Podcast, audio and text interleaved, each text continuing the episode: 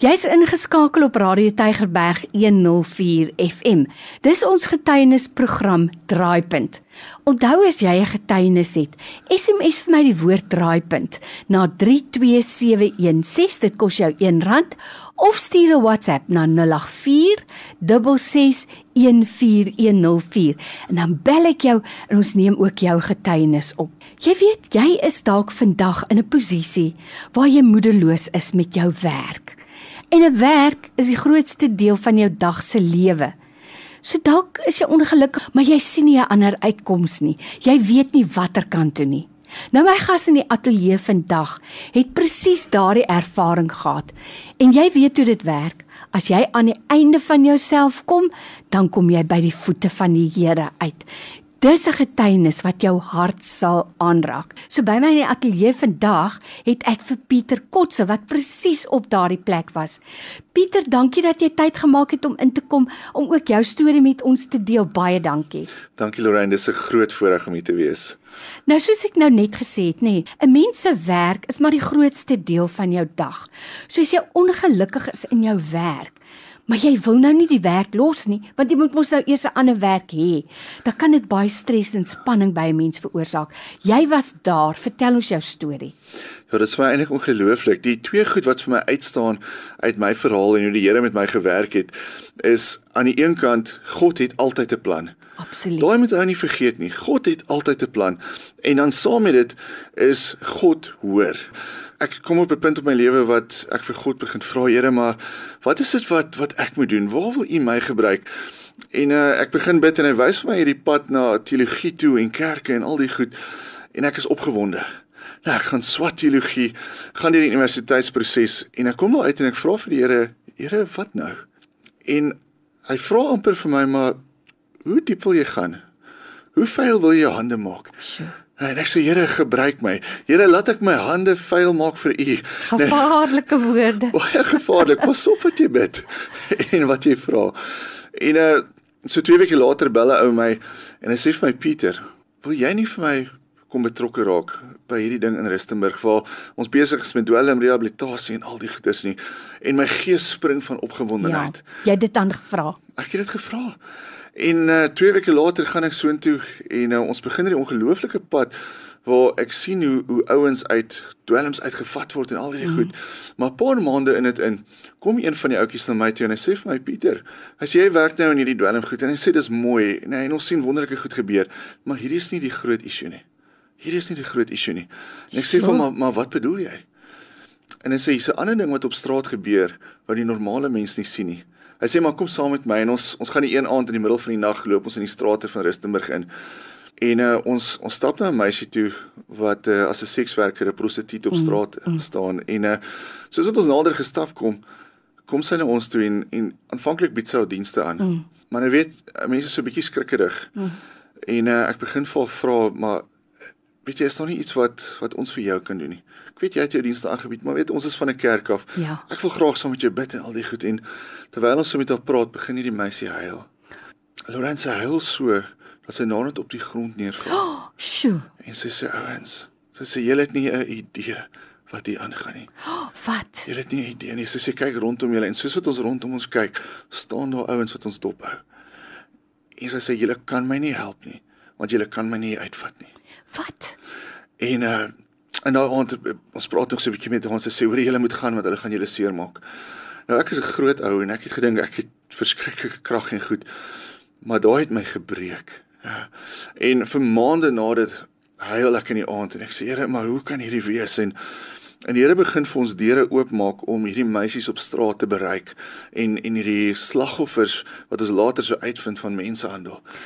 Human trafficking. Human What? trafficking. Dit gebeur, weet jy, ons is so ja. onbewus daarvan. Ja, Vertel ons. Dis dis onder ons, dis tussen ons. Dis ouens wat saam met ons in die kerk sit op Sondag. Dis ouens wat saam met ons in die spar staan. Nou die die goed wat daarin gebeur, die frekwensie van hoe baie dit gebeur, nou is eintlik skokkend. Ek bedoel ons het so 'n paar jaar terug toe is daar algemene uh, survey wat in Suid-Afrika gedoen word en net van die wat ons toe dink ons van weet, hardloop so rondom 250 000 slagoffers. 250 000 human trafficking slagoffers waarvan ons dink ons weet in die land. Wat? En uh daar's al klomp ouens wat sê ja, maar hoe weet jy nou hierdie statistieke is waar en so aan? Maar daai goed is gedoen deur ouens wat op die grond evangelisasiewerk op straat doen. Ja. En uh en dis nie die vermoede. Ons vermoed is waarskynlik meer. Sjoe. En uh en die slagoffers is is vanaf Afrikaanse meisies wat in Afrikaanse kerke groot word met goeie gesinne, al die pad na na kindertjies wat groot word in in townships in haaklike Ai. omstandighede. Niemand word vrygespreek van hierdie ding nie. Almal almal word hier dit getref en die die ouens wat betrokke is in dit die perpetrators nou hartloweens vanaf ouers na ooms en tannies na tot uh, dwelmverslaafdes almal almal enige iemand kan 'n perpetrator wees. Wat bereid is om 'n kind se lewe op te offer vir iets, vir of geld of vir dwelms of iets. Ja. Vat my kind, gebruik hierdie kind soos jy wil of my dogter Ja. of my seun of wat ook al. Skokkende verhale nou by my in die ateljee vandag is Pieter Kotse. Pieter, maar toe kom daar 'n dag wat jy dit net nie langer kon doen nie, vertel ons. Ja, weet jy Lorraine, aan die begin was dit alles wat ek gehoop het dit gaan wees, né? Dit was asof my drome waar geword het. Dit was wonderlik en ek dink vir 'n klomp van die luisteraars is waarskynlik dieselfde. Jy stap in hierdie werk en en jy Lyk weet jy is van God af. Mm. Nee, en jy is opgewonde. Maar op 'n dag besef ek ek slaap 2 ure 'n aand. Sjoe. Nee, ek is angstig. Ek kry Ja. nadat nie meer genoeg inkomste om goed te kan betaal nie. En uh en ek begin met God worstel en ek ek sê Here, maar ek kan nie so aangaan nie. Ek weet nie wat om te doen nie. My seisoen is verby. En dit, dit lyk nie asof daar enige ander uitkoms is nie. Ek weet nie wat ek andersins kan doen nie. En en die Here vat my toe na hierdie plek toe waar ons ons sit op 'n konferensie en ons praat oor oor sekuriteit en oor hoe die wêreld gaan lyk oor 20 jaar en die ouens is verskriklik bekommerd oor goed soos mensehandel. Mm. En ek begin met die Here praat en ek sê vir hom Here, ons sit nou hier en ek hoor hierdie goed gaan 'n probleem wees, maar ek kan nie verder hierin gaan nie. Wil U my nie help nie? En uh ek kom terug, dit was oor se konferensie en ons kom terug en uh ek sit in 'n restaurant 'n uur nadat ek geland het. Nou het ek die vorige aand voor die Here gehuil. Ek gesê Ja, Here, ek is ek op my laaste. Ek kan nie meer nie. Ek weet nie meer wat om te doen nie. En uh net 'n ander interessante ding, ek onthou nou skielik. Ehm uh, terwyl ons in daai restaurant sit, besef ek dat die ouens wat my al die tyd finansiëel gedra het, het ook kontrak. So aan die einde van my maand sit ek sonder 'n salaris, debietorders kom en dis op nommer 99 en nou moet ek die Here vertrou. Ja. Maar 'n uur nadat ons geland het, bel 'n ou uit die Kaap met my. En hy hy sê: "Hoorie Pieter, onthou jy my? Ons het hier ontmoet in die Kaap op hierdie konferensie wat gaan het oor sending en al die goed." En ehm um, ek sê: "Ja man, is lekker om jou om weer jou stem te hoor." En hy hy sê: "Weet jy wat? Jou naam het net by my opgekom. Ja, ons het hierdie pos wat oopgaan by die kerk. Wil jy O. nie aansoek doen nie?" Sjoe. En uh Lorraine, ek bars uit in trane. Sjoe. Want ek besef in daai oomblik, maar God het gehoor. God het 'n plan. Amen. Ek was op my laaste. Ek het nie geweet hoe ek môre gaan uitkom nie. Maar hy het gehoor.